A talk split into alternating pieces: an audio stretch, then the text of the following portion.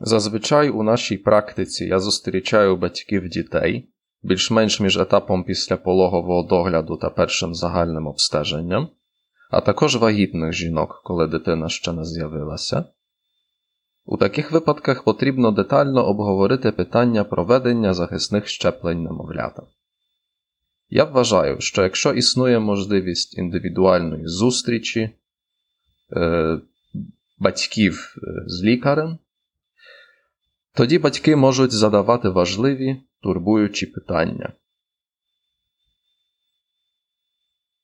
А отже, мають більшу легкість у прийнятті важливого рішення щодо такої широкої та складної теми, як профілактичні щеплення. Багато разів я бачив, як батьки намагаються вчитися з різних джерел. Природно, що дитина, яка ось ось з'явиться або вже з'явилася, є такою перлиною, про яку хоче піклуватися кожен батько та мати. Тому вони намагаються отримати ці знання всіляко, іноді запитуючи друзів, іноді родичів, іноді братів і сестер, а іноді досліджуючи безодня інтернету у пошуках таких крихт знань, які дозволяють їм заспокоїти своє занепокоєння е, з приводу того, які щеплення найкращі, і вирішити, які щеплення вибрати. Пані та панове, через поточну епідеміологічну ситуацію ми вирішили проводити такі вебінари в онлайн версії, щоб не лише наші пацієнти, а й усі люди, зацікавлені у щепленнях, які бажають приєднатися до нашої клініки, могли дізнатись про основи щеплень, які можуть зробити батьки своїм дітям.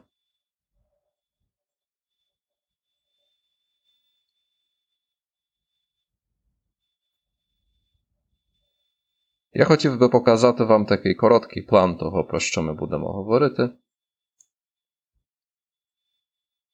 Сподіваюсь, вебінар трохи поглибить ваші знання про щеплення та прояснить деякі неясності.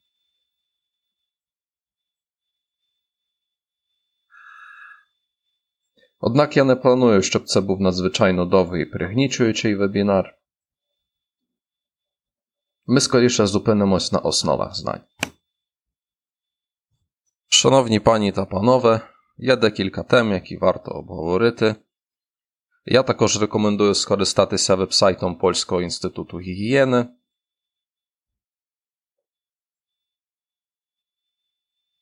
який доступний за адресою www.szczepienia.info. Там знаходиться дуже приємний інтерактивний календар щеплень, де ви навіть можете, навіть можете побачити, які щеплення були зроблені людям в минулому на основі попередніх архівних програм вакцинації. Настійно рекомендую сторінку щеpienia інфо. Ви можете скористатися перекладом Google на вебсайті та знайти рубрику Історичні програми імунізації, доступну у вкладці Календар щеплень. Пані та панове, я хотів би розпочати розповівши вам, як воно насправді є з цим обов'язком вакцинації. Батьки іноді запитують, деякі щеплення є обов'язковими, інші ні. Що означає, що вони є обов'язковими? Пані та панове, Польща це країна, яка згідно із законом покладає на своїх громадян, а також на громадян інших країн, які постійно проживають у Польщі, обов'язок виконувати певні зазначені в програмі профілактичні щеплення. У визначений час та проти конкретних захворювань. Це означає, що якщо хтось є громадянином Польщі і проживає в Польщі, або не є громадянином Польщі і перебуває в Польщі на більш тривалий час, цей обов'язок покладається на нього. Тут варто зазначити, що це зобов'язання, а не примус. Якщо хтось цього зобов'язання не виконує, то є певні юридичні та фінансові наслідки, але це не те, що хтось у наручниках когось приведе і змусить зробити щеплення. Однак це передбачено законом зобов'язання, яке повинно виконуватися певним чином у відповідному віці дитини. Тут часто виникає питання: а що, якщо батьки не подають заяву про щеплення у встановлений термін? Це відомо як відмова від вакцинації.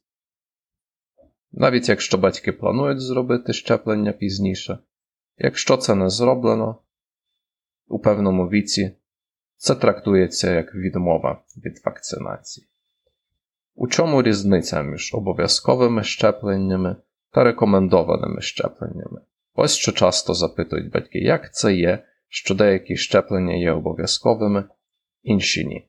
Пані та панове, то є наслідки системи профілактичної вакцинації у Польщі, оскільки обов'язкові щеплення повинні бути безкоштовними. Якщо наша країна не може дозволити собі зробити вакцинацію обов'язковою, а отже, зробити її безкоштовною, то це так звана рекомендована вакцинація. Отже, це щеплення, про яке ми знаємо, що його варто робити дитині, його варто робити й дорослому, спираючись на наявні медичні знання з інших країн, а також великі дослідження про нашу країну. Однак ми не можемо дозволити собі зробити щеплення безкоштовними, а отже обов'язковими. У чому практична різниця? Обов'язкові щеплення повинні виконуватися, то є передбачений законодавством обов'язок. Рекомендовані щеплення це рішення батьків, а також це фінансове навантаження для батьків, натомість батьки часто запитують мене, які щеплення я рекомендую дітям. Моя відповідь завжди однакова. Я рекомендую робити всі рекомендовані щеплення, які ви можете собі дозволити. Насправді це не може бути простіше. Мене часто запитують лікарю, чи доцільна така велика кількість щеплень у такому ранньому віці, чи не потрібно трохи почекати з цими манінгококами, ротавірусами та іншими? Моя відповідь завжди ні. Якщо ви можете собі це дозволити, отримайте всі рекомендовані щеплення, які ви можете собі дозволити. Якщо ви не можете собі цього дозволити, оскільки профілактичні щеплення це цілком великі фінансові витрати, вам слід виконати рекомендовані щеплення якомога швидше. Як тільки з'являються такі фінансові можливості, я не рекомендую вам чекати. Пані та панове, дуже поширене питання полягає в тому, яка різниця між щепленнями низькоасоційованими, які є безкоштовними, та щепленнями високоасоційованими, які є платними. Високоасоційовані вакцини то є, так би мовити, альтернативні щеплення, замінюючи обов'язкові щеплення, е, де ви платите за одну ін'єкцію замість кількох проколів. Технічно кажучи, я завжди кажу батькам, що низькоасоційована вакцинація та високоасоційована вакцинація, тобто обов'язкові безкоштовні та обов'язкові платні щеплення, відрізняються головним чином з точки зору логістики та зручності, оскільки безкоштовні вакцини мають три ін'єкції, іноді там проводяться додаткові щеплення, а високоасоційовані вакцини мають одну, іноді трохи більше ін'єкцій. Мене часто запитують, чи не є обов'язкові безкоштовні вакцини якимись старими, брудними, я не знаю, застарілими. Е, з іншого боку, мене запитують, чи ці високо асоційовані вакцини не є коктейлем, який занадто сильно шкодить дитині, і чи ми не повинні вибрати щось перевірене роками. Моя думка щодо цих щеплень така на основі сучасних медичних знань, е, що вони в основному взаємозамінні. На мій погляд, вони однаково безпечні та ефективні, за умови, що батьки все ж таки ці щеплення виконують, звичайно. Різниця в ціні тут ви платите за це, що вакцинація швидша, що дози менша, що вакцинації менше, і взагалі все проходить більш гладко. Простіше поєднувати вакцинації між собою тощо. На що поділяють високоасоційовані щеплення? Отже, в даний час у Польщі існує два типи високоасоційованих щеплень: так звана вакцина 5 в одному і так звана вакцина 6 в одному. У чому практична різниця? Ну, вакцини 5 в одному, на мою думку, в Польщі застосовуються порівняно рідко. Це вакцини, що використовуються переважно в країнах, де щеплення проти гепатиту Б не є обов'язковими. І вони не містять імунітету проти гепатиту типу Б. вакцини 6 в одному досить часто використовують у Польщі, і вони містять імунітет проти гепатиту Б.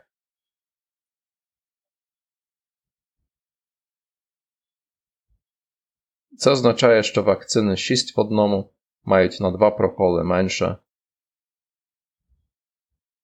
і на одну зустріч в справі щеплення менше. Тому що діти, які мають вакцини 5 в одному, і діти, які мають безкоштовні вакцини, роблять щеплення від гепатиту на сьомому місяці свого життя, тоді як вакцини 6 в одному не мають цієї зустрічі, оскільки це вже включено раніше. Яка головна різниця між цими препаратами? Ну, кількість проколів і ціна. Скільки коштує вакцинація 5 в одному і скільки вакцинація 6 в одному? Це приблизно 800 або 900 злотих. За цикл щеплень 6 в одному, і ми говоримо про 2 роки життя дитини, тобто про повну вакцинацію, приблизно 600 злотих за весь дворічний цикл щеплень 5 в одному, а обов'язкові щеплення безкоштовні, вони гарантовані від Санепід. Це головна відмінність. Технічно, якщо ви подивитесь на це, ви можете сказати, що високо асоційовані вакцини мають дещо рідші побічні ефекти, які виникають дуже рідко, і ви, як батько чи мати, цього не помітите тоді як ціна трохи нижчий імунітет. Проти коклюшу трохи коротший період імунізації проти коклюшу. Що, мабуть, не стосуватиметься вас і не буде помітним на практиці, якщо після п'ятого дня народження ви не забудете про питання профілактичних щеплень у дитини, бо після п'ятого дня народження є бустерна вакцинація і це якраз цей імунітет проти коклюшу і зберігає.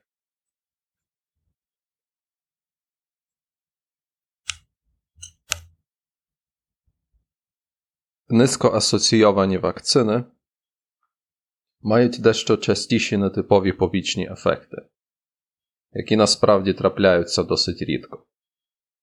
Тут мова йде про кілька десятків випадків на 100 тисяч доз, тобто рідко. З іншого боку, імунітет проти коклюшу набагато сильніший, набагато довший. Це розрахунок прибутку та збитків, але на практиці, розмовляючи з батьками, я завжди кажу, що вони по суті є взаємозамінними вакцинами. За винятком цих невеличких технічних відмінностей. Тож, коли справа стосується батьків, це головним чином питання витрат, логістики, кількості ін'єкцій та практики самої вакцинації. Що я зазвичай рекомендую? Я рекомендую те, що ви можете собі дозволити. Технічно кажучи, коли ми підходимо до питання, які вакцини купувати, я завжди рекомендую батькам спочатку вибрати безкоштовні вакцини, потім подивитися, які рекомендовані вакцини вони можуть собі дозволити, придбати всі рекомендовані вакцини, які можуть собі дозволити, а потім, можливо, подумати про високу асоційовану вакцинацію, але беручи до уваги емоції, потреби та погляди батьків, де можна заперечувати, що домінуючою схемою вакцинації, принаймні в нашій клініці, є схема 6 в одному, тобто вакцини високо асоційовані. Тому що вони в межах фінансових можливостей батьків, і дозволяють зменшити кількість проколів та зустрічей для дитини. Шановні пані та панове, чому ми взагалі робимо щеплення? Як це сталося? Тут я покажу таку схему імунізації, ось як це виглядає у Польщі від народження до 19 років, коли є остання обов'язкова вакцинація. Мене часто запитують, доктора, як це сталося, що раніше щеплень було менше, а зараз щеплень більше, і тоді ми теж це якось пережили, тощо і т.д., і зараз стільки цього даємо дітям. Зазвичай тоді я кажу: так, ми це пережили, Але є люди, які не вижили, і цих людей більше немає, щоб це коментувати, бо вони мертві, і про це треба пам'ятати. Ніхто з нас регулярно не бачить людей, які мають постійні тілесні е, ушкодження е, в результаті, наприклад, хвороби гейне медіне, тобто поліомієліту. Зараз ми трохи опинились у бульбашці, де ці інфекційні хвороби зникли з поля зору, а щеплення стали жертвами власного успіху. Однак пам'ятайте, є також щеплення, яких ми більше не робимо, наприклад, проти віспи, яка завдяки попереднім щепленням була вилучена зі світу. Подібним чином, наприклад, черевний тиф більше не вакцинується. Серед польського населення, крім поїздок. Тож цих щеплень багато. З 2017 року обов'язкових щеплень є більше, ймовірно, у найближчі кілька років буде ще більше, і завдяки тому менша кількість дітей матиме проблеми зі здоров'ям через хвороби, які можна запобігти імунізацією.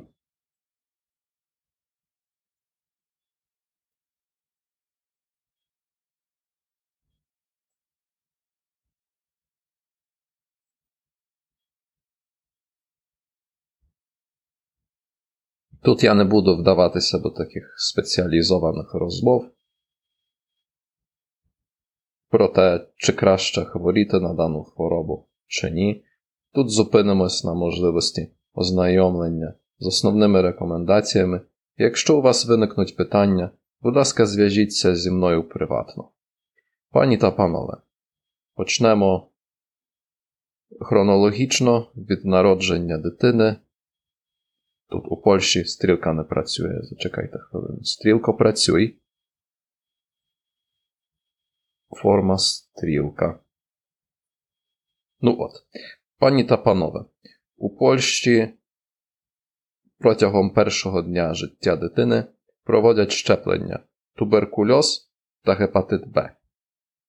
Технічно кажучи, вакцинацію в перший день слід проводити е, з відділення новороджених, що означає у перші 2-3 дні. Це якраз внутрішньошкірна вакцинація, ось тут на ручці, проти туберкульозу. Це те, від чого у дорослих людей є шрам, а в людей похилого віку декілька шрамів, оскільки кількість щеплень зменшилася. Інфекційна вакцинація проти гепатиту Б або жовтяниці Б. Чому вакцинують проти цих двох захворювань дітей у такому молодому віці, коли дитина така маленька, вразлива і тендітна? Тому що Польща все ще є країною з високим рівнем захворюваності від туберкульозу. І це слід пам'ятати, що ми в основному найзахідніша країна, в якій досить багато туберкульозу. Ще більше туберкульозу в країнах Сходу Румунії, Болгарії та Україні, так само і Білорусь. В наш час міграція людини відбувається досить плавно. Цей рух помітний, а туберкульоз рухається далі на захід. Наприклад, у Німеччині вакцинація проти туберкульозу не є обов'язковою, бо там менше туберкульозу. І коли в найближчі кілька років кількість туберкульозу в Польщі зменшиться, ми ймовірно припинимо щеплення. Але чому ми робимо щеплення проти гепатиту Б? Дитина в такому молодому віці також по різному страждає гепатитом Б. Дорослим трохи легше позбутися цього вірусу з організму та боротися з інфекцією, тоді як діти набагато частіше страждають хронічним гепатитом. Протягом багатьох років, в основному на все життя, ми хочемо захистити їх від цього. Діти також можуть заразитися від матері, яка не знає, що є вірусоносієм. Діти також іноді потребують термінового хірургічного лікування в молодому віці що неможливо передбачити. Діти можуть дуже раптово захворіти, і тому ми хочемо якнайшвидше імунізувати цих дітей проти жовтяниці. Що у майбутньому? Подальші огляди, наступні щеплення проводяться у другому місяці, у другому місяці, тобто між шостим та дев'ятим тижнем життя дитини, на дату загального обстеження здорової дитини. Я припускаю, що загальне обстеження є першорядне відносно вакцинації, оскільки воно повинно відбуватися у визначений час. Іноді трапляється так, що батьки, які не хочуть робити цю вакцинацію на цю дату, не приходять на загальне обстеження. Будь ласка, пам'ятайте, що загальне обстеження дуже важливе, дитина там вимірюється, оцінюється правильність її розвитку. Дуже важливо, щоб це робити на час, а щеплення проводиться одночасно, тому що дитина, як правило, здорова під час загального обстеження. А тепер як це виглядає на практиці? Дитина другого місяця, яка в обов'язковому безкоштовному варіанті матиме 4 внутрішньом'язові ін'єкції між 6 та 9 тижнями життя, роблять 4 щеплення. Це низько асоційована вакцина проти коклюшу правця і дифтерії, проти палички грипу типу хемофілус інфлюенса, вакцина безкоштовна проти жовтяниці та пневмококів. Після цього бажано через 2 місяці або 8 тижнів, або цей інтервал може бути коротшим, але це залежить від вакцини. Проводиться наступна вакцинація. Деякі хвороби ще мають бустерну вакцинацію. Коклюш, правець, дифтерія та палички грипу мають свої бустерні щеплення. Також пневмококи отримують другу дозу щеплення. Тепер зверніть увагу. Технічно ви можете скоротити цей інтервал між одним проколом та іншим. Але оскільки пневмококи повинні мати інтервал між дозами у 8 тижнів, найкраще зробити всі ці щеплення через 2 місяці, хоча інтервал можна і зменшити. Отже, на четвертому місяці роблять ці щеплення якщо загальне обстеження здорової дитини є. Вакцинація проти поліомієліту також прямо тут. Поліомієліт сьогодні є дуже рідкісним захворюванням. Раніше це була епідемія, тобто хвороба гейне медіни, що приводить до паралічу м'язів.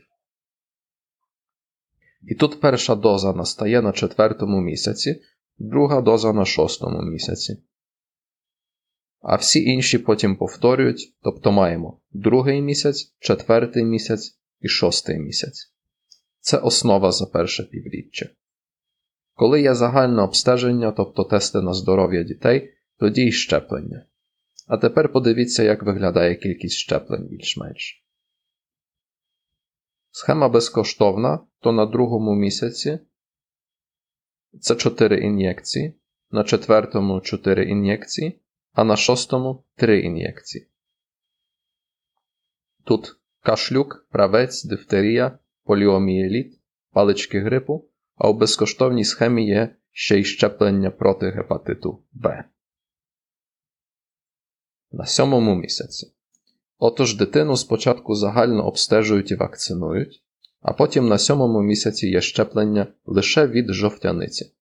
Це схема обов'язкових безкоштовних щеплень. Якщо у вас високо асоційовані щеплення, то високо асоційована вакцинація 5 в одному має 3 ін'єкції протягом другого місяця, тобто асоційовану вакцину, пневмокок і жовтяницю. На четвертому місяці вам роблять 2 ін'єкції, тобто асоційовану вакцину та пневмокок. На шостому місяці вам роблять одну ін'єкцію, а на сьомому одну ін'єкцію це і є ця жовтяниця. У випадку високоасоційованих щеплень 6.1 у вас немає цієї жовтяниці. Це означає, що у вас є два щеплення в другий місяць, два щеплення в четвертий місяць, одне щеплення в шостий місяць, і це кінець до першого року життя дитини. Отже, щеплень просто менше. Різниця в цінах між щепленнями 5 в одному і 6 в одному полягає в тому, чому батьки насправді вибирають щеплення 6 в одному. Вони вибирають вакцини 5 в одному переважно тоді, коли хтось з їхньої родини рекомендує їх, і вони не хочуть їх міняти, оскільки вони вже перевірили, або хтось з їхніх батьків та сестер їх мав, і вони не хочуть їх міняти. Ось так це виглядає. Будь ласка, пам'ятайте про щеплення, які ви обрали. високо асоційовані, низько асоційовані, вони дійсні для дитини до 18 років, вибачте, 18 місяців. Тож прямо тут. Е, якщо ви приймаєте безкоштовні вакцини, вам не слід їх міняти, якщо ваш лікар не скаже вам це через непереносимість вакцинації. Якщо ви приймаєте платні щеплення, ви не можете перейти на безкоштовні щеплення без медичної рекомендації. Для цього призначений цей аналіз, щоб ви могли прийняти рішення за два роки життя дитини. Ви повинні це пам'ятати. Дуже часто батьки зазначають, що дитина, якій півтора роки вже досить важко бореться, досить сильна. Якби вони знали, що це буде виглядати так, вони вибрали б асоційовані вакцини. Все залежить від підходу батьків, від таких ем, емоційних проблем. Насправді, 18-місячна дитина вже досить сильна, і набагато важче ввести їй три безкоштовні вакцини, ніж одну, оскільки це внутрішньом'язові ін'єкції, що вводяться голкою. Е, час поговорити про щеплення, коли виповнився рік. Прямо тут. Найчастіше проводиться загальне обстеження дитини, який виповнився рік, а потім проводиться захисна вакцинація проти кору, паротиту та краснухи, тобто асоційована вакцинація та проти пневмокока. Якщо хтось має можливість, оскільки дитина записана в ясла, вони також роблять обов'язкову вакцинацію проти вітрянки. Зазвичай я стикаюся з підходом, що вакцина проти вітрянки це така безкоштовна вакцинація для добровольців. Але насправді це обов'язкова вакцинація, і вона повинна бути у вас, якщо ви підете в ясла. Дитині, яка перебуває в яслах, потрібно зробити то щеплення. Якщо це зобов'язання не виконується, виникають юридичні наслідки, якими трохи нехтують у аспекті вакцинації проти віспи, але це дуже важливі щеплення. Віспа вітрянка дуже серйозне захворювання, яке може бути тяжким. Однак, якщо хтось записав дитину, має контракт і може принести довідку про те, що вона буде в яслах, то перед тим як дитина піде в ясла, у неї може бути вже безкоштовна вакцинація проти віспи, тому це дуже приємний варіант. Діти встигнуть отримати дві дози вакцини проти віспи ще до того, як вони навіть підуть у ясла, що є найкращим варіантом. Вакцинація проти кору, епідемічного паротиту, краснухи це така вакцинація, що завдяки засобам масової інформації має погану репутацію в інтернеті, зовсім омилкова, адже це є дуже важлива вакцинація, кір зараз є дуже важливою хворобою, яка повернулася з великою силою. Він також може викликати серйозні ускладнення. Тому я завжди кажу батькам не уникати цього. А через 18 місяців, коли дитині півтора років, вже даємо відбій тривозі, оскільки наступні щеплення є обов'язковими після 5-го дня народження, потім після 13-го і після 18-го дня народження. Отже, перші 6 місяців є найбільш щільними, а потім йде вниз. За винятком рекомендованих щеплень, які можуть відбутися. Ну, а тепер вперед. Пані та панове, коли справа доходить до цієї схеми, як я вже повторював, чи варто це? Варто. Що саме варто? Те, що можливо. Які з рекомендованих варто, всі, що ми можемо собі дозволити, і я трохи розповім вам про них, про ці рекомендовані щеплення. Повернемось до нашої дошки. Ось так. Кілька слів про конкретні захворювання. Я щойно згадав про поліомієліт, тому не бажаю вам цього. В свою чергу, туберкульоз це інфекційне захворювання, яке у дітей дуже різне. Адже дорослі часто помирають з туберкульозом, а діти часто помирають від туберкульозу. Туберкульоз це мікробактеріальна хвороба. Саме такі мікроби, бактерії можуть блискавкою вбити дітей у вигляді дисемінованої легеневої інфекції чи інфекції мозку. Дорослі на таке від туберкульозу швидко не захворіють, але діти так. А той, хто кашляє з близької чи далекої родини, на вулиці, в трамваї чи де-небудь ще, хто у хорошому стані і не показує, що він хворий на туберкульоз, може заразити туберкульозом і дитина може від нього померти. Туберкульоз незабуте захворювання. Його в Польщі ще досить багато. І то не схоже на те, що воно пішло, і воно з нами дуже жорстоко поводиться, тому ця вакцинація дуже важлива. Раніше щеплень було більше, в даний час, зважаючи на те, що туберкульозу в Польщі все ж таки менше, ми вакцинуємо лише однією дозою. Можливо, у майбутньому ми взагалі припинимо вакцинацію та зосередимось на виявленні та лікуванні туберкульозу. Що стосується гепатиту Б, це щеплення, про яке я згадав, щоб дитина не заразилася від матері. Або під час операції, або переливання крові. Ця вакцинація, по суті, дає імунітет на все життя. Вакцинація проти туберкульозу не забезпечує імунітету на все життя. Вакцинація проти туберкульозу в основному запобігає смерті від туберкульозу у дитини. Однак це не заважає дитині захворіти на туберкульоз, і це така важлива зміна. І це захищає протягом перших кількох чи надцяти років. А потім цей імунітет закінчується. Для вакцинації проти жовтяниці імунітет прийнято вважати імунітетом на все життя. Дослідження показують, що імунітет триває понад 30-35 років, тому якщо хтось провів весь режим трьох щеплень від гепатиту у хороших датах, він вважається імунітетом до гепатиту Б протягом усього життя. Я вже вже згадував, діти хворіють довше, важче і частіше страждають печінковою недостатністю через жовтяницю, ніж літні люди, здати, здатні позбутися вірусу. Що стосується наступних трьох захворювань, які є у низько асоційованому препараті. Дифтерія хвороба якої не було в Польщі роками, а в Європі досі є. Це хвороба, яка існує постійно. Вона має вигляд важкого фарингіту зі змінами на слизові. Звідси і значення назви хвороба горла. Нерідко це смертельне захворювання, яке вбиває людей під час ураження серця або загальної інфекції. Кілька років тому в Іспанії був випадок дифтерії, коли нещеплена доросла людина була заражена. Дорослий був у хорошому стані, дитина померла, оскільки лікування дуже важке, курс дуже важкий. Той факт, що ми не бачимо цієї хвороби, не означає, що її існує, вона не повернеться, вона є, тож ця вакцинація важлива. Правець проти правця ми завжди робимо щеплення, якщо поріжемось чимось засмальцьованим і потрапимо в травмпункт. Правець то є хвороба, яка є і буде завжди. Оскільки це забруднення спорами цієї бактерії,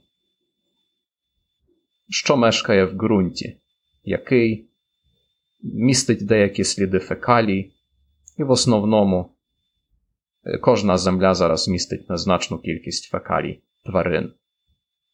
Однак важливо пам'ятати, що мова йде про ґрунт, а не про іржу. Тож різниця є, але завжди варто робити цю вакцинацію. Стійкість до правця закінчується приблизно через 10 років, тому варто пам'ятати про ці щеплення в дорослих кожні 5 років. У багатьох випадках правець є летальним, в основному це як підкидання монети. Смертність може становити 50%. Отже, це серйозна хвороба, яку важко вилікувати, дуже серйозна. Коклюш коклюш це інфекційне захворювання, яке було і буде, окрім того, воно не може бути тривало імунізованим. Як правило, ви кашляєте 3 місяці, кашляєте багато, часто ламаєте ребра. Це дуже виснажлива, важка хвороба, дуже важка. І вона не додіагнозується, оскільки діагностика важка. І часто цей кашель менш сильний і зараження триває. Підраховано, що існує 5 недіагностованих випадків коклюшу у дорослих на кожного діагностованого. А серед людей похилого віку старше 60 років вважається, що на діагностований випадок припадає 70 невизнаних випадків. Це не рідкісне захворювання. Проблема в тому, що чим молодша людина, тим важче у неї форма коклюшу. Для дітей цей коклюш може стати фатальним. Для дорослих це в основному неприємна хвороба, е, хронічна та важка, але для дітей вона може закінчитися смертю або постійним пошкодженням мозку, особливо коли мова йде про коклюш у новонароджених. Дуже серйозне захворювання, тому вагітним жінкам роблять щеплення від коклюшу, щоб новонароджена дитина не захворіла завдяки імунітету від матері. Це щеплення, яке захищає досить короткий час, приблизно 5 років, е, тому дорослі повинні робити щеплення кожні 5 років. І поліомієліт. Поліомієліт це дуже рідкісна хвороба, загалом у світі є лише кілька десять, десятків випадків з того, що я знаю. Е, це хвороба, яка, можливо, скоро е, зникне зі світу завдяки системі вакцинації, сподіваємось, однак це хвороба з дуже високим епідемічним потенціалом. Вона передається з водою, з фекаліями, це хвороба брудних рук. Вона призводить до важкого постійного паралічу протягом усього життя, травми кінцівок, е, у крайніх випадках також до постійного пошкодження дихальних м'язів, е, де хвора людина не може самостійно дихати протягом усього життя. Паличка грипу хемофіліус інфлюенса, яка у свою чергу є окремною вакцинацією, це також хвороба, яка була, є і буде. Вона з'являється десь у кожної людини. Деякі люди є безсимптомними носіями, вона є частиною фізіологічної флори носової порожнини, носоглотки у дорослих. Е, тоді як це бактерія, яка до епохи вакцинації викликала фульмінантний епіглотіт у дітей, який міг вбити, дитину протягом декількох годин в результаті задухи. Важкий перебіг захворювання у дитини дуже бурхливий, дуже важко піддається лікуванню. В даний час його дуже рідко можна зустріти завдяки системі імунізації. Подальші обов'язкові щеплення проти кору, паротиту та краснухи. Мене часто запитують, чи існують окремі щеплення тільки проти кору? Ні, ні. Ми зараз робимо щеплення лише комбінованою вакциною 3 в одному, кір, свинка, краснуха. Кір колись вважався легкою дитячою хворобою, оскільки від неї на тисячу е, хворих загинула лише одна дитина, на відміну від віспи, яка була більш смертельною. Але зараз ми не визнаємо смертності однієї дитини з тисячі хворих, тож ми дбаємо про це, щоб ніхто не захворів на кір. Щеплення дуже ефективні, але деякі люди просто не реагують на ці щеплення, на жаль. І потрібно лише пам'ятати, що ця хвороба десь була, є і продовжуватися буде, і ми всі покладаємось на імунітет суспільства в цілому. Це також вакцина, яка, як правило, викликає високу температуру у кожного десятого малюка, а отже має таку погану репутацію. Однак це дуже важлива вакцинація, оскільки кір дуже небезпечний. Що стосується решти захворювань у цій вакцині, епідемічний паротит вважається легким захворюванням, але ніхто його добром не поминає. Тим більше, що хлопчики, які перенесли свинку, можуть стати назавжди безплідними. Окрім серйозних аспектів епідемічного паротиту, бо то не є так, що він завжди лагідний, іноді він закінчується запаленням мозкової оболонки або підшлункової залози. Тому більшість людей пам'ятає його як незручність, але він може бути небезпечним для багатьох людей і залишити сліди на все життя. Натомість краснуха є дуже легким захворюванням. Насправді половина людей, які перенесли краснуху, не знають, що хворіли на краснуху. Сама по собі хвороба не є проблемою, але гірше, якщо вагітна жінка заразиться краснухою вперше, оскільки тоді вона завдає дитині важкої безповоротної шкоди або вагітність не закінчується, що може спричинити багато трагедій. Отже, це щеплення надзвичайно важливо для запобігання вродженої інфекції краснухи під час вагітності. Вакцинація проти пневмококів, у свою чергу, є останньою обов'язковою вакцинацією, яка з'явилася в 2017 році, і це добре, адже пневмокок насправді є однією з основних причин респіраторних інфекцій у дітей. І тут ми говоримо, наприклад, про отит, пневмонію та енцефаліт. Щеплення допомагають знизити рівень цих інфекцій, і добре, що вони це зробили. Оскільки щеплення роблять ці захворювання рідшими.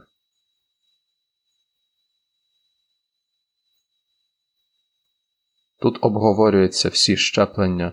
Ну, віспа вітрянка одна з найпоширеніших дитячих хвороб. Дуже заразна, вона подорожує буквально з вітром. Як правило, в яслах, як правило, в дошкільних установах щеплення є дуже ефективні. Дитина, яка щеплена проти вітрянки, або взагалі не хворітиме, або матиме одну-дві плями, і на цьому все закінчиться. Повертаючись до нашої таблиці. Ось ось кілька слів про конкретні хвороби. Звичайно, я закликаю вас прочитати більше, але це не заради налякування себе, адже ці хвороби дійсно можуть бути страшними. Але ви повинні знати, що це не так просто ці хвороби зникли. Вони постійно там і приховуються, і ці щеплення тримають їх подалі від нас. І тому ми їх не бачимо. Але якщо ця система вакцинації зламається, ці хвороби повернуться з подвійною силою. А що відбувається, коли є епідемія або пандемія, це ви вже добре знаєте завдяки коронавірусу. Коли ми робимо щеплення немовлятам, я вже коротко це обговорював. В палаті новонароджених на другому, четвертому місяці, на шостому місяці, деякі діти на сьомому місяці, потім 12 і 16 місяці, а потім після дня народження. Після 13 і 18 дня народження це стосується обов'язкових щеплень. Що стосується рекомендованих щеплень, то тут я хотів би розповісти вам декілька речей щодо рекомендованих щеплень. І ось я повернусь до нашої таблиці. Перша вакцинація, яку я рекомендую в нашій клініці, це щеплення проти ротавірусу. Тому що це щеплення, яке має верхню межу вакцинації, більш-менш тут, на шостому місяці. Тобто, коли дитині виповниться півроку, принципово не можна робити ротавірусні вакцини, за винятком однієї, яку можна вводити до восьмого місяця. Тож вам доведеться поспішити з цим рішенням.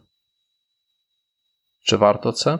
Варто. Чому? Оскільки в країнах, де ця вакцинація є масовою, вона призвела до того, що вдвічі менше дітей було госпіталізовано через гостру діарею. Природно, гостру діарею викликають також інші патогени, інші віруси, але ротавірус є найпоширенішим з них. Він призводить до вражаючої блювоти та вражаючої діареї.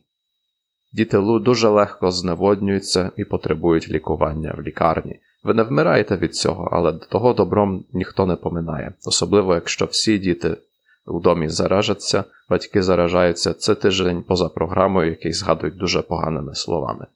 Багато людей мені казало, що вони шкодують, що заразилися цією хворобою, замість того, щоб зробити щеплення, тому що не думали, що то буде так прикре. І тут я попереджаю вас, що це вакцинація, яка має верхню межу вакцинації 6 місяців. Це пероральні вакцини, які добре переносяться, і у досить доступному ціновому діапазоні для багатьох людей. Отже, це перша вакцинація, про яку я кажу з точки зору того, чи хтось може собі таке дозволити чи ні. Що стосується подальших щеплень, наступною рекомендованою вакцинацією, яку я рекомендую, є щеплення від грипу. Ми вакцинуємо всіх, хто досягнув 6 місяців. Тобто немовлят проти грипу ми будемо вакцинувати навіть таких крихітних 7-місячних немовлят проти грипу. А потім щороку я рекомендую робити щеплення їм до кінця життя, якщо тільки хтось може, якщо немає протипоказань і він може собі це дозволити.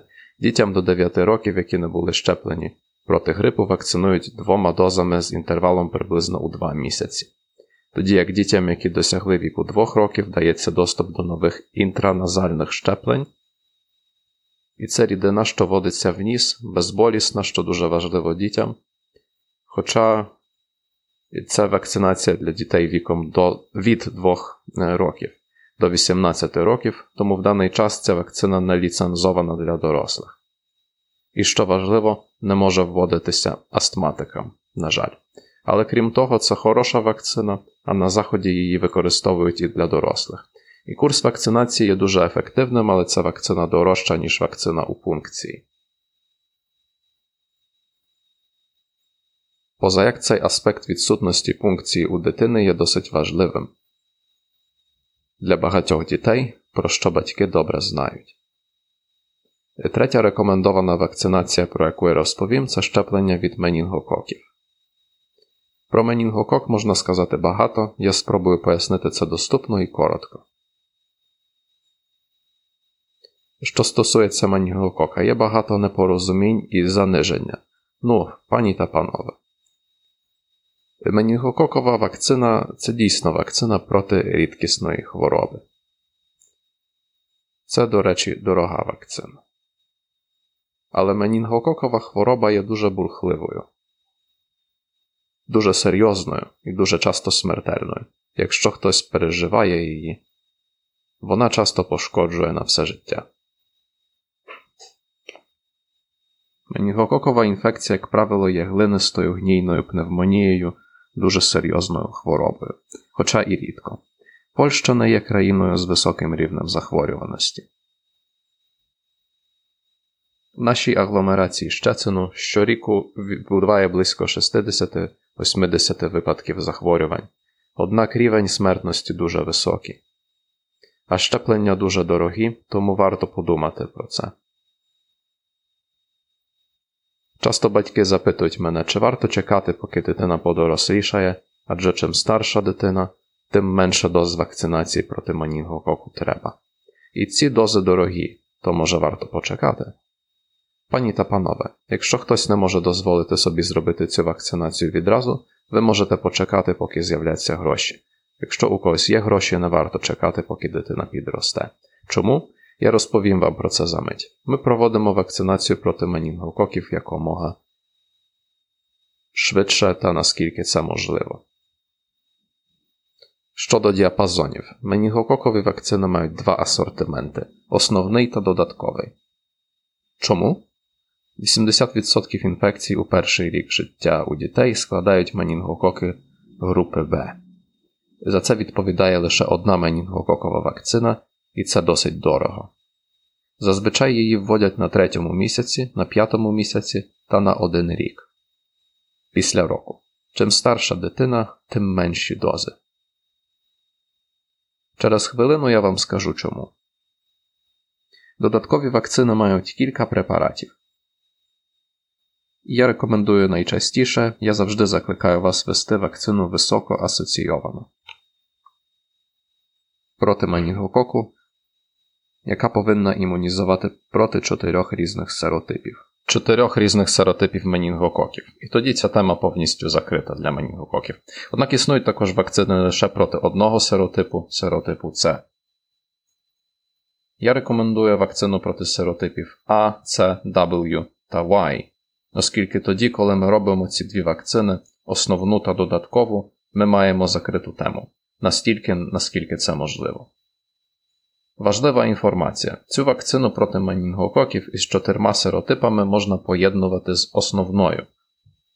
Тому якраз на третій місяць дитина приходить на щеплення, дві дози менінгокока і тема закрита. Повторюємо, повторюємо і все.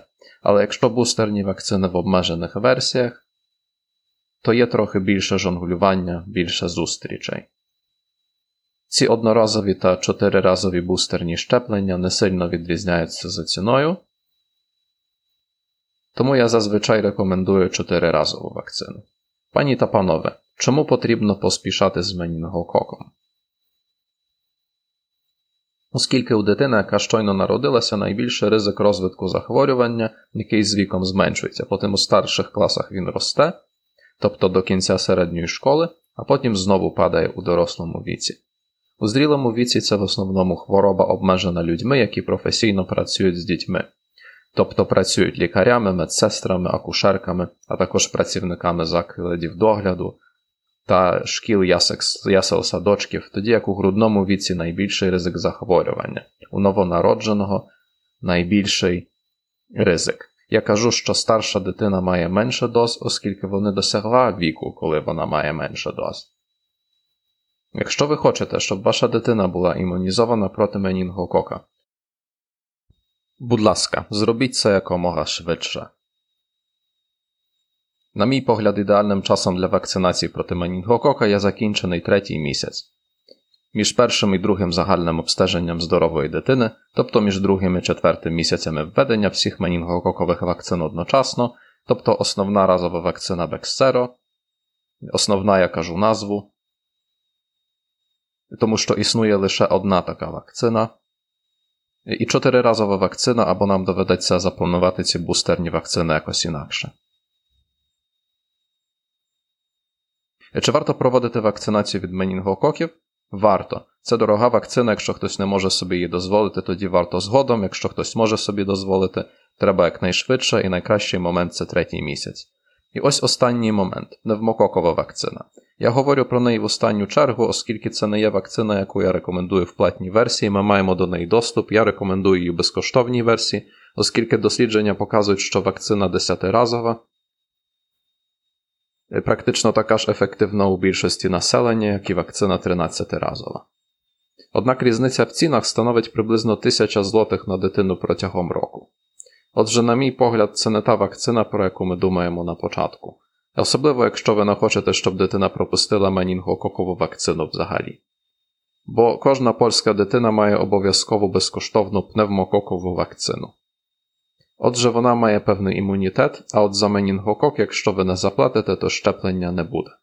Отже, якщо хтось придбає всі рекомендовані щеплення, викупить усі асоційовані щеплення і зробить щеплення батькам, членам домогосподарства і так далі, усім, кому тільки зможе, і матиме ще одну тисячу в кишені, варто зробити платні пневмококи. Однак, на мою думку, це в самому кінці, оскільки, згідно з сучасними дослідженнями, ця тисяча злотих не спричиняє такої різкої різниці в захворюваності, як, наприклад, нещеплення дитини проти ротавірусу, менінгококу чи грипу. Крім того, це остання вакцинація, яку я рекомендую.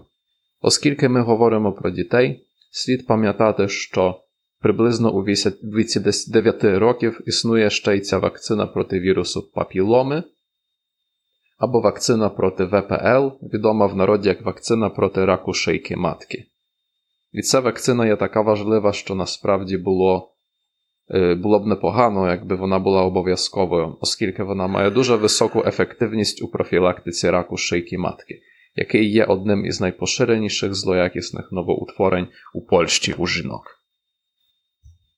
Хлопчикам також слід робити щеплення, якщо вони можуть собі це дозволити. Хлопчики не страждають на рак, спричинений цим вірусом, це рідкісні пухлини, рак статевого члена або гортані, але вони переносять це на дівчат, і цей вірус викликає інші неприємні недуги, яких можна уникнути після цієї вакцинації.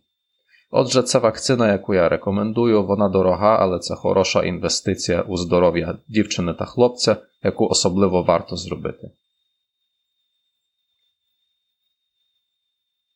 Шановні пані та панове, як ви нині здійснюєте право на вакцинацію та як проводяться щеплення?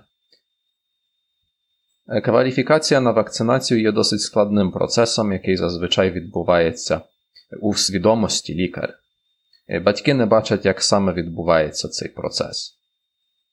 У нашій клініці, оскільки мені важко сказати, як це виглядає в інших клініках, у нашій клініці кваліфікаційний процес починається з появи батька або матері в нашій клініці заповнення відповідної анкети, завдання якої полягає у визначенні основних протипоказань для вакцинації, то є перелік кількох питань.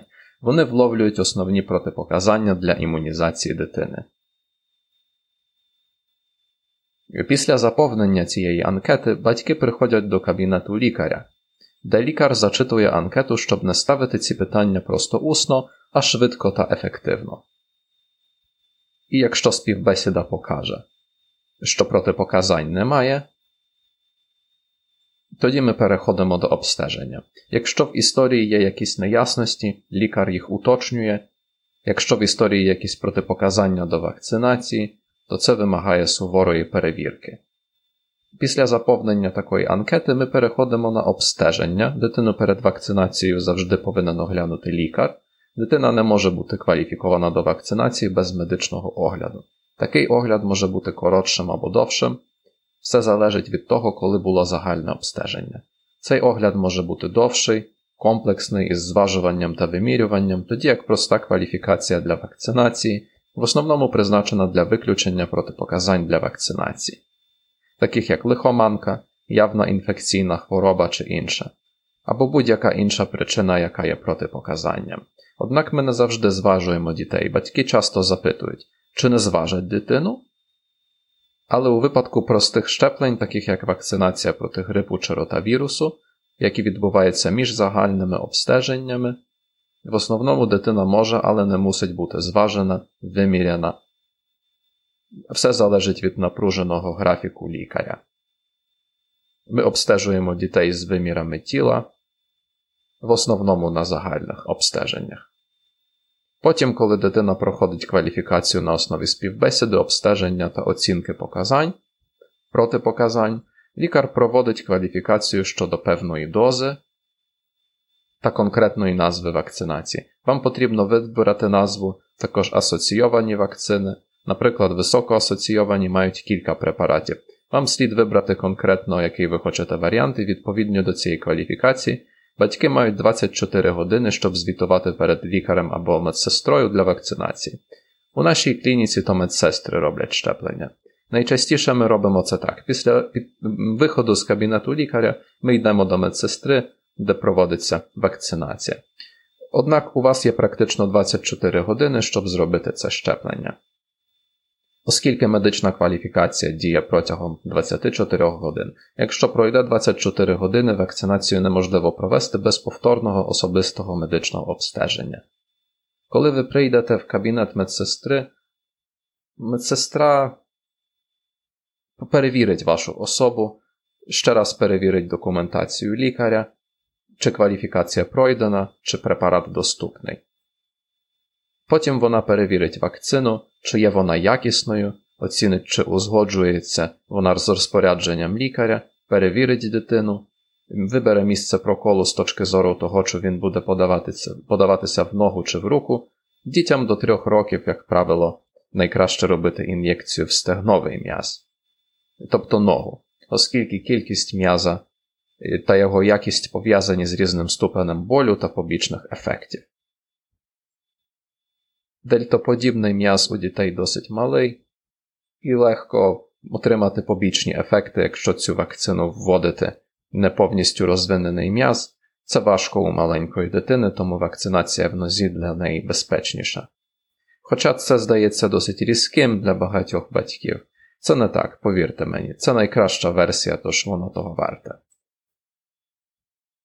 Медсестра може використовувати анестезію в обшарі вакцинації, Наприклад, доступні різні анестезуючі гелі, спреї, пластирі або креми. Ці пластирі або креми слід застосувати мінімум за півгодини до вакцинації.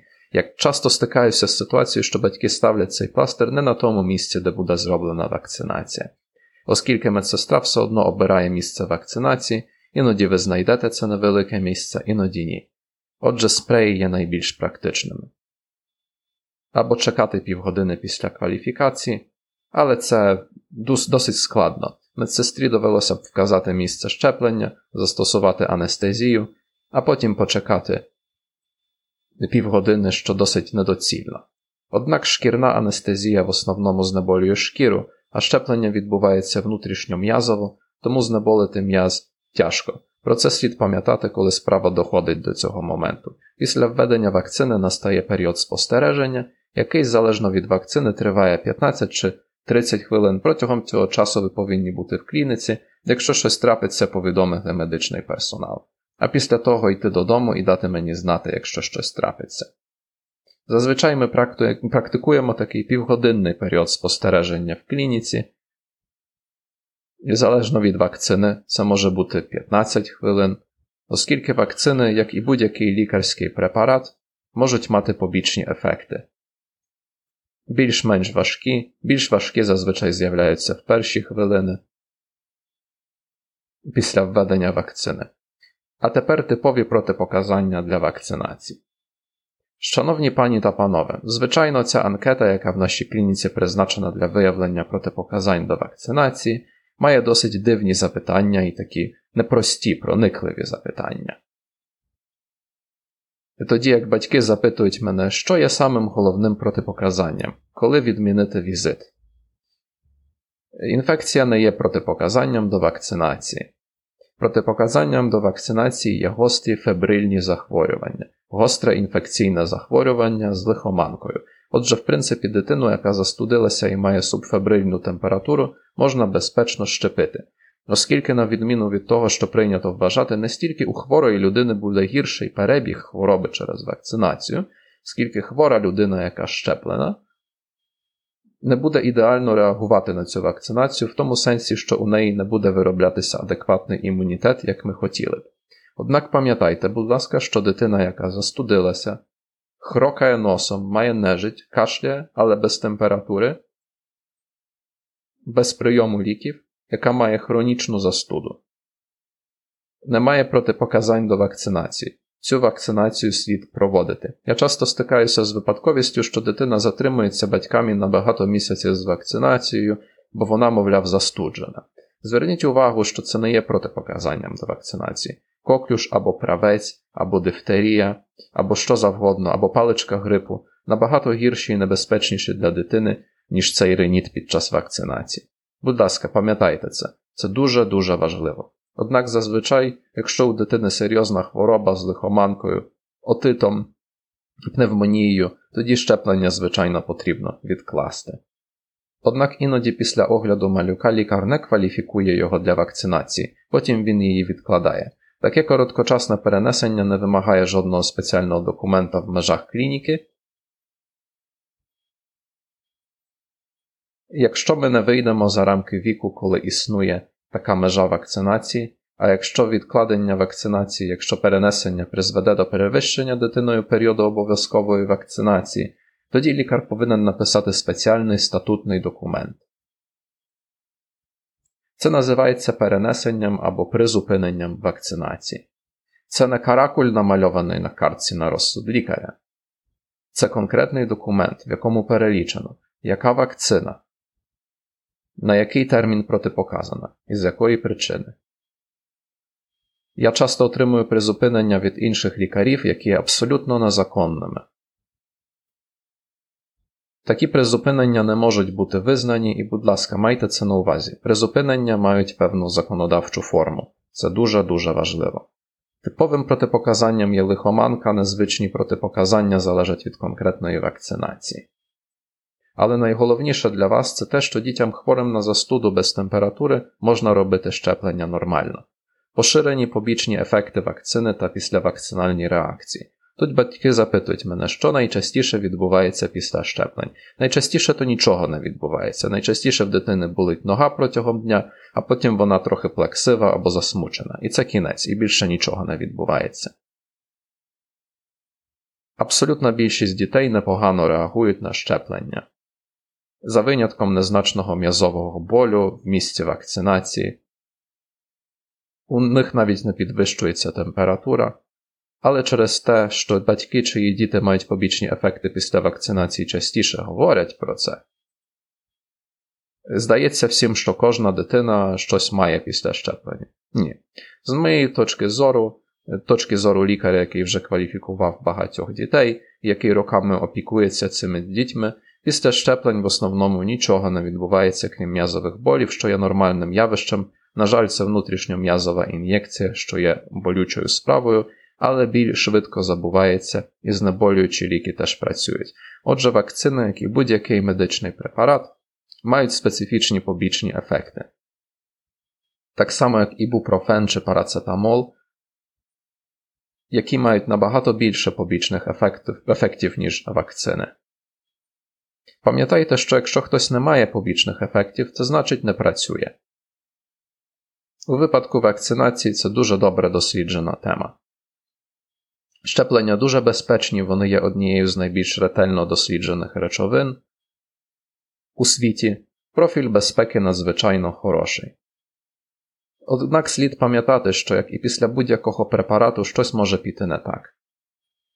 Подібно до того, як хтось після введення парацетамолу може впасти в шок, так само після введення вакцини хтось може впасти в шок, і саме для цього призначений цей період е, обслідування. Тобто існують усі ці кваліфікації, щоб е, його уникнути або зменшити. І пам'ятайте, що ніхто особливо не заморочується питанням, чи давати дитині знеболюючі засоби,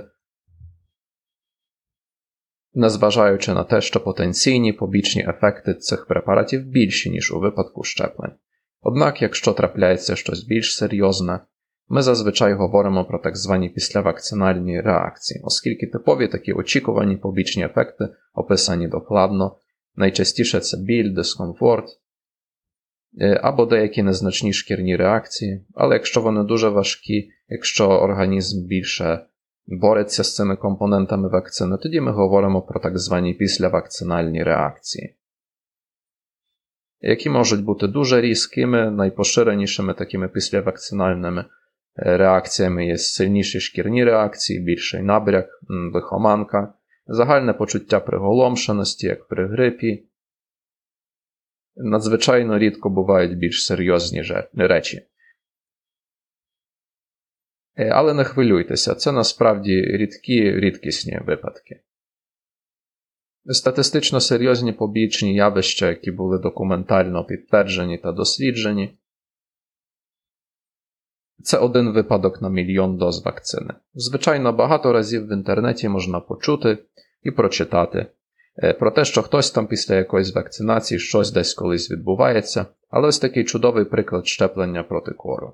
І вся історія аутизму адже кір у кожної десятої дитини має високу температуру, і дитина почувається погано через два тижні після щеплення, оскільки саме так відбувається обробка вірусу. І для багатьох людей це настільки, для багатьох батьків це настільки ключовий і травматичний момент, якого вони не передбачали, бо їм ніхто не казав, що після щеплення від кору два тижні спостерігається висока температура, а потім все, що псується після цієї вакцинації та після небажаної реакції, дуже легко відноситься батьками до цієї вакцинації. Однак мене часто питають про аутизм після цієї вакцинації проти кору. Надійні дослідження показали, що таких взаємозв'язків не існує, але діагностика аутизму настільки складна, що її неможливо зробити на дуже ранній стадії розвитку дитини. Її можна зробити лише у віці, коли дитина якраз щойно щеплена проти кору, епідемічного паротиту та краснухи. Якщо дитина переживає цю високу температуру, її легко асоціювати з тим, що у неї з'явиться. Пам'ятайте, що були проведені величезні дослідження щодо профілю безпеки і щеплення це в основному найбезпечніший медичний препарат, який ми застосовуємо. Але ви також повинні пам'ятати про те, що як і при будь-якій підготовці щось може піти не так, для цього і призначена вся ця процедура вакцинації та спостереження, і це набагато безпечніше, ніж залишити всіх без вакцинації. Та залишити всі ті заразні хвороби, які тисячоліттями знищували людей. Та викликали епідемії, яких ми вже не бачимо. Дякую за увагу. Звичайно, це лише лизання теми. Я розумію, що ця тема дуже обширна. Важко продумати, важко переробити. Вакцина це дуже широка галузь наукових знань, дуже складна. Я знаю, що існує багато непорозумінь і занижень, коли мова йде про щеплення, тому я закликаю вас саме так поговорити зі своїм лікарем на цю тему. Зі свого боку, я запрошую вас до нашої клініки. Під нашою опікою у вас все буде добре. Ми Щецинська клініка, що міститься у маєтку Гумєнця, вулиця Генерала Мачка, 18. На даний момент ми процвітаємо в циклі телемедицини, онлайн-консультацій, відеочатів, наша команда сімейних лікарів та педіатрів. Також доглядає за пацієнтами у вихідні, а також ввечері, тому, будь ласка, зв'яжіться з нами. В даний час такий цікавий факт полягає в тому, що записатися в клініку легко також через електронну декларацію, через надійний профіль або надіславши скан декларації. Деталі вже є на нашому вебсайті. Я запрошую вас відвідати нашу клініку. Якщо у вас виникли питання щодо профілактичних щеплень, будь ласка, зв'яжіться з нами. Ви залишаєте повідомлення, і я спробую відповісти на нього так швидко, як можливо. Або ми запрошуємо вас на медичну консультацію, де вам зможемо, сподіваюся, пояснити можливості під час телефонної розмови. Дякую за увагу, бажаю вам усіх найкращих Успіхів!